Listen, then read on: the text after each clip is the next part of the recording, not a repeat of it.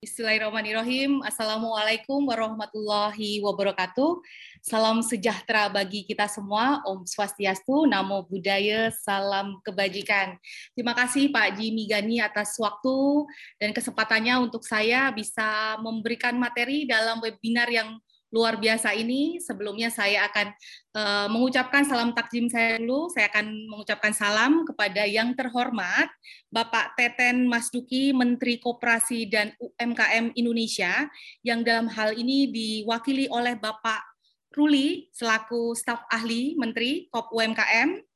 Uh, luar biasa tadi program-programnya Pak Ruli, semoga semakin menyasar dan targeted ke para pelaku UMKM.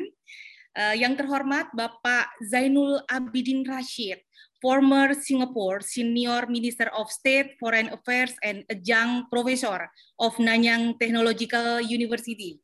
Okay. Yang kami hormati Bapak Rizky Kramadi Brata, Presiden of Grave Indonesia, yang kami hormati Bapak Teguh Ananta Wikrama, Acting Vice Chairman of Kadin on MSMEs, yang kami hormati juga Bapak Dr. Justin Ma, Principal Consultant or Enterprise Innovation Specialist. Yang kami hormati tentunya Bapak Jimmy Gani, Founder and CEO Orbitin, dan seluruh jajaran CEO jajaran Orbitin yang luar biasa. Dan yang kami hormati Ibu Hajah Yuyun Rahayu, Ketua Wanita Bekasi Keren, dan seluruh sahabat-sahabat saya semua di WBK dan tentunya seluruh tamu undangan dan para pelaku UMKM peserta webinar di seluruh Indonesia dan di mana pun berada yang tidak bisa saya sebutkan satu persatu. Salam semangat semuanya, Alhamdulillah wa syukurillah. Hari ini saya bersyukur sekali bisa berada di dalam forum yang uh, luar biasa yang diadakan oleh Orbitin uh, dalam rangka anniversary uh, satu tahun uh, Orbitin.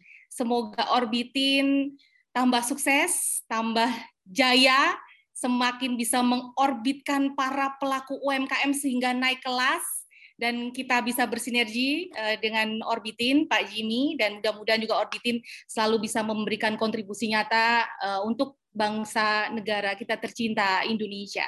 Baik, Alhamdulillah hari ini saya akan uh, share materi saya yang bertemakan inovasi dan transformasi digital marketing tingkatkan kinerja UMKM Kota Bekasi. Saya uh, akan mengoverview sedikit uh, untuk pelaku UMKM di Kota Bekasi karena saya dalam hal ini juga uh, mewakili Wanita Bekasi Keren, salah satu komunitas di Kota Bekasi dan nanti untuk case study-nya saya akan mengupas sedikit terkait usaha saya Lady Via Cake and Bakery. Perkenalkan, Sebentar.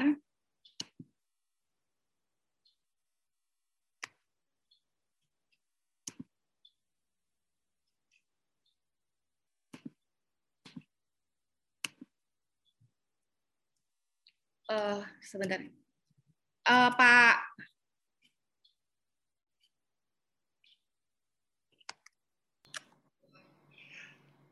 Uh, Pak Revin mungkin bisa dibantu saya tidak bisa mengoperasikan ini dari laptop saya ya.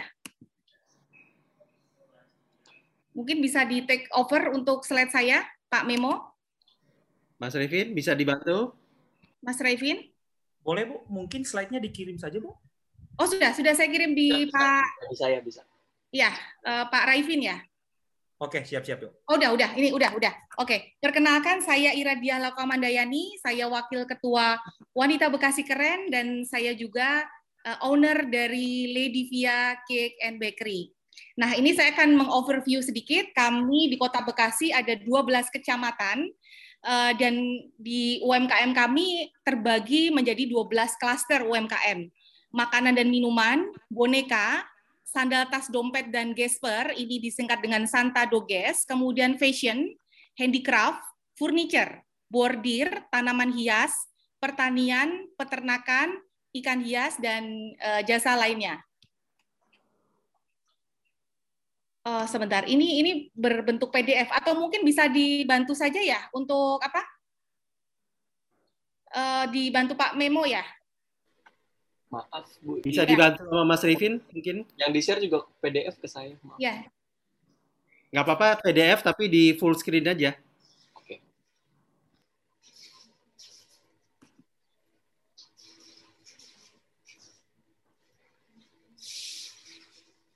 Oke. Next slide, Pak. sebelumnya. Oke. Okay. Ya, next slide. Baik. Next slide, Pak. Nah, ini data potensi UMKM di Kota Bekasi. Kami ada di 12 kecamatan dan kami ada 5.000 pelaku UMKM yang saat ini terdata di Dinas Kop UMKM dan tersebar di dinas uh, di 12 eh, kecamatan tersebut. Dan ini kita lihat paling besar ada di Bekasi Timur, kemudian di Bekasi Selatan, Bekasi Utara, uh, Rawalumbu, dan Bekasi Barat. Next slide, Pak. Nah, ini adalah data omset UMKM tahun 2019 dan kemudian setelah terhantam pandemi PSBB Maret eh, terjadi penurunan omset di tahun 2020. Saya akan membacakan sekilas tentang eh, apa eh, data tersebut. Ini diambil dari 100 responden pelaku UMKM yang telah mengikuti sertifikasi BNSP. Jadi udah certified kewirausahaannya. Ini untuk penghasilan 50 sampai 100 juta, uh, ini 21 untuk uh, pelaku UMKM makanan dan minuman, kemudian 100 sampai 200 juta ini ada 10 pelaku UMKM, 200 sampai 300 ada dua pelaku UMKM, kemudian 300 sampai 400 juta ada tiga pelaku UMKM. Dan sebanyak 10 pelaku UMKM mengalami penurunan omset 30% dan 26 mengalami penurunan omset 50%. Kemudian untuk boneka ada 11 mengalami penurunan omset 40%, Santa Doges mengalami penurunan 30% di 20 pelaku UMKM keseluruhan dari responden, kemudian fashion mengalami penurunan 20%, handicraft 12 eh, pelaku UMKM mengalami penurunan 30%, Furniture mengalami penurunan 30% untuk tiga pelaku UMKM responden dan yang terakhir adalah bordir satu pelaku UMKM mengalami penurunan di uh, 30%. Next, Pak. Nah, untuk itu mau tidak mau ini adalah sebuah keharusan bahwa para pelaku UMKM harus bertransform bertransform ke digital marketing. Jadi tidak hanya berubah, tapi benar-benar harus bertransform dan juga berinovasi. Next. Nah, tapi para pelaku UMKM sendiri ternyata memiliki banyak kendala-kendala yang dihadapi, yakni apa? Gaptek dan tidak mau belajar, kemudian tidak bisa desain grafis, tidak tahu cara membuat website atau landing page, tidak tahu cara memanfaatkan sosial media, tidak tahu cara membuat konten marketing, tidak tahu cara membuat foto produk dan terkendala biaya online. Next. Next, Pak. Nah, kemudian apa strategi optimasi digital marketing yang bisa dilakukan oleh para pelaku UMKM? Para pelaku UMKM harus mengoptimalkan penggunaan handphone mereka untuk foto produk, untuk berjualan, dan sebagainya. Kemudian membuat website, landing page, pemakaian Google Businessku, kemudian bisa memanfaatkan social media marketing yang mungkin tidak berbayar dahulu, kemudian marketplace eh, marketing Tokopedia, Bukalapak, Shopee, dan juga bekerja sama dengan GoFood atau GrabFood. Next. Next, Pak. Oke, nah ini adalah program-program optimasi potensi UMKM yang telah dilakukan oleh Pemda Kota Bekasi dan Wanita Bekasi Keren. Next. Yang pertama adalah bekasimat.id. Bekasimat ini adalah sebuah sarana yang dimiliki oleh Pemda Kota Bekasi untuk menjawab perkembangan pasar digital dan beralihnya pra perilaku konsumen. Jadi ini adalah sebuah marketplace milik Pemda Kota Bekasi untuk pasar digital UMKM Kota Bekasi dalam menumbuh kembangkan UMKM eh, dan kooperasi dengan merubah perikalanan konvensional dengan pemasaran jejaring multi channel untuk meningkatkan pendapatan penjualan dan persaingan usaha dengan perusahaan menengah dan besar. Next. Nah, keunggulannya apa? Keunggulannya gratis, kemudian auto connection ke website member, auto connection ke medsos member, news sekitar Pemkot, informasi ekspor dari Kementerian Perindustrian dan BPII, informasi pelatihan dan seminar, informasi ekspor dan pameran dari kedutaan luar negeri, pelatihan UMKM gratis oleh Pemkot Bekasi. Next. Nah, ini adalah tampilan dari uh, Bekasi Mart. Ini ada produk-produk dari uh, pelaku UMKM kami. Ini juga ada beberapa info-info uh, terkait dengan webinar dan sebagainya. Next, Pak. Nah, yang kedua adalah penggunaan marketplace sebagai sarana promosi dan penjualan online. Jadi Pemda Kota Bekasi dan komunitas-komunitas bekerja sama dengan marketplace untuk memberikan pelatihan-pelatihan kepada para pelaku UMKM dalam uh, dalam dalam hal untuk supaya mereka bisa menjadikan ini adalah sarana promosi dan penjualan online. Next. Kemudian yang ketiga adalah kerjasama dengan Gojek. Saat ini Pemda Kota Bekasi telah bekerja sama dengan Gojek dan juga kami di Wanita Bekasi Keren juga telah uh, kontrak kerjasama dengan apa Gojek untuk program optimasi Mitra GoFood. Jadi binaan-binaan kami yang memang sudah uh, mampu, sudah sudah sudah uh, ingin um, apa ya istilahnya mengkonekkan dengan sebagai mitra GoFood ini diadakan pelatihan kemudian dibina oleh uh, Gojek. Next. Kemudian yang keempat adalah pasar kue subuh Chandrabaga Teluk Buyung Bekasi. Nah, ini adalah uh, pasar di mana para pelaku UMKM berjualan secara offline dari jam 3 pagi sampai jam 9 pagi, tapi juga bekerja sama dengan Gojek untuk media transaksi online-nya. Next, Pak. Nah, kemudian selanjutnya adalah media video conference webinar UMKM. Ini adalah beberapa webinar yang sudah diselenggarakan oleh Pemda, komunitas kami juga Wanita Bekasa Keren, dan juga saya sendiri sebagai pelaku UMKM beberapa kali juga uh, diminta untuk mengisi beberapa webinar untuk sharing bagaimana survive uh, di masa pandemi next. Nah, tujuan dari webinar UMKM ini adalah memberikan kesempatan para pelaku UMKM Kota Bekasi memperkenalkan produknya, strategi pemasaran, dan keunggulan UMKM. Memperluas jaringan pasar UMKM dengan melakukan transaksi baik secara langsung dan tidak langsung melalui media webinar seperti reseller dan distributor. Nah, ini karena berkahnya silaturahim webinar ini, kadang-kadang kami yang diundang sebagai narasumber sering sekali mendapatkan order yang tidak disangka-sangka dari uh, baik mungkin dari sesama uh, apa panelis atau dari peserta yang hadir dalam webinar tersebut.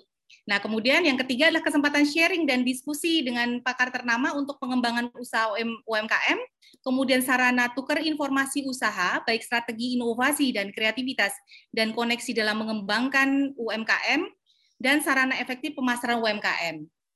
Next. Kemudian ini adalah program WBK untuk UMKM binaan, membantu UMKM kelas ultra mikro dalam pembuatan foto produk, vlog testimoni produk.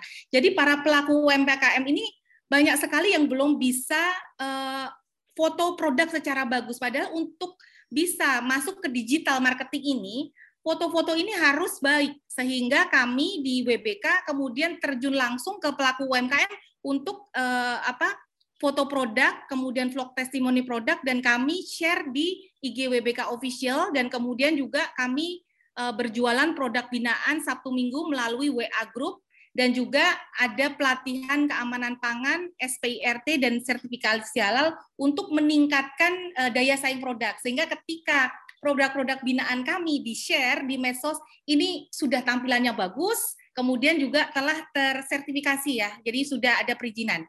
Next. Ah, ini contoh-contoh, next saja Pak, secara cepat saja disampaikan. Nah, ini adalah case study dari Ledivia. Uh, nanti setelah saya selesai mungkin bisa langsung next slide ya Pak, ya supaya lebih cepat karena waktunya terbatas. Uh, next Pak. Jadi saya akan menyampaikan 7P marketing mix. Selanjutnya adalah produk. Next Pak. Produk kami ada break, bread, cake, cookies, jajan pasar. Jadi kami terus melakukan inovasi dengan membuat roti dengan cita rasa Nusantara yaitu roti rasa, rasa rendang, rasa kari, serta roti dan cookies dengan menggunakan bahan tepung sorghum yang berkualitas. Jadi ini sangat low sugar dan juga eh, apa kaya serat. Kemudian place di saat pandemi ini kami fokus berjualan melalui reseller dan online, media sosial, marketplace, website, dan tetap kami juga berjualan melalui offline karena kami masih bekerja sama dengan pabrik-pabrik dan juga masih ada order untuk kantor dan komunitas. Next. Uh, untuk price, kami tidak menaikkan harga karena daya beli masyarakat saat ini sedang menurun, sehingga untuk mengatasi harga-harga pokok, maka produk bisa di-resize lebih kecil jika ada permintaan uh, roti atau cake yang uh, dengan harga yang lebih murah, kami bisa meresize dan kami pun juga mencari supplier dengan harga yang lebih murah. Next. Promotion tadi kami sudah sampaikan melalui medsos. Next. Ini akun-akun kami, uh, Ledivia. Next. Nah, People, Ledivia didukung oleh SDM yang berkualitas dan sangat berpengalaman di bidangnya masing-masing. Next, Pak. Nah, proses untuk menjaga kualitas produksi, maka pengawasan dilakukan terhadap proses produksi. Jadi kami sudah mengikuti petunjuk dari BPOM dan uh, Departemen Kesehatan. Next. Nah, ini adalah uh, packaging kami. Jadi kalau Bapak dan Ibu lihat, ini ada packaging brownies, ini ada love, kami punya tagline uh, bake with love. Kemudian juga ini dus yang besar, dus yang kecil, masih ada beberapa dus, cuma ini hanya saya kami tampilkan seperti ini. Nah, ini warnanya orange, menggambarkan uh, produktivitas, inovasi. Uh, jadi ketika Bapak Ibu mengkonsumsi roti kami, yang akan dilihat adalah brand kami, Lady Pia. Next. Nah, ini adalah uh, lingkungan kami sangat bersih, sangat uh, kami memastikan bahwa semua juga dijalankan dengan prokes yang uh, sesuai. Jadi uh, saat ini memang konsumen sedang mengalami apa ya istilahnya kita sedang mengalami resesi kesehatan sehingga memastikan bahwa produk yang dikonsumsi adalah produk-produk yang sesuai dengan prokes dan ini kami share di medsos bahwa produksi kami benar-benar menggunakan prokes dan sangat hygiene. Next, Pak. Nah, ini adalah perizinan kami, sudah lengkap PIRT, halal, kemudian juga seperti UMK, NIB, izin lokasi, dan sebagainya. Next. Nah, ini adalah kesimpulan dari apa yang kami sampaikan, bahwa dalam adaptasi masa sulit ini, kami, apalagi pelaku UMKM untuk makanan dan minuman, yang pertama adalah assurance healthy, survival innovation, digital transformation, new services and market oriented, problem solver and comprehensive dan pastikan bahwa apa yang sudah kita rencanakan uh, itu berjalan. Next, Pak. Alhamdulillah ini tadi sudah disampaikan Pak Jimmy, uh, kami mendapatkan anugerah sebagai UMKM unggulan terbaik 2020 dan juga uh, uh, untuk top 10 finalis LSPR Culinary Entrepreneur Award yang nanti akan diumumkan pada tanggal 26 Maret. Next. Dan beberapa minggu yang lalu kami juga kedatangan dari RRI eh, untuk liputan program Bangga Buatan Indonesia. Next, Pak. Nah, ini beberapa lokasi tempat kami bekerja sama, ada rumah sakit, koperasi, uh, dan sebagainya. Next. Ini adalah mitra usaha kami. Next. Ini adalah alamat kami, alamat uh, medsos kami. Next. Ya, ini adalah di mana kami bertumbuh bersama di dalam wanita Bekasi keren, kreatif, energik, responsif, empati dan nasionalis. Dan uh, yang terakhir saya uh, mengucapkan terima kasih atas kesempatannya bisa sharing. Mohon maaf lahir batin. Semoga sedikit yang kami sampaikan ini sebagai bentuk surviving kami, bagaimana mempertahankan uh, usaha kami dan juga kami ingin memberikan motivasi. Artinya kami tidak ingin uh, membuat bahwa pandemi ini sebagai masalah, justru kami ingin menjadi problem solver dalam masa pandemi ini. Mungkin yang sedikit ini mungkin bisa bisa kami kami share dan mudah-mudahan bisa bermanfaat. Terima kasih Pak Jimmy atas waktunya. Wabillahi taufik wal hidayah. Wassalamualaikum warahmatullahi wabarakatuh.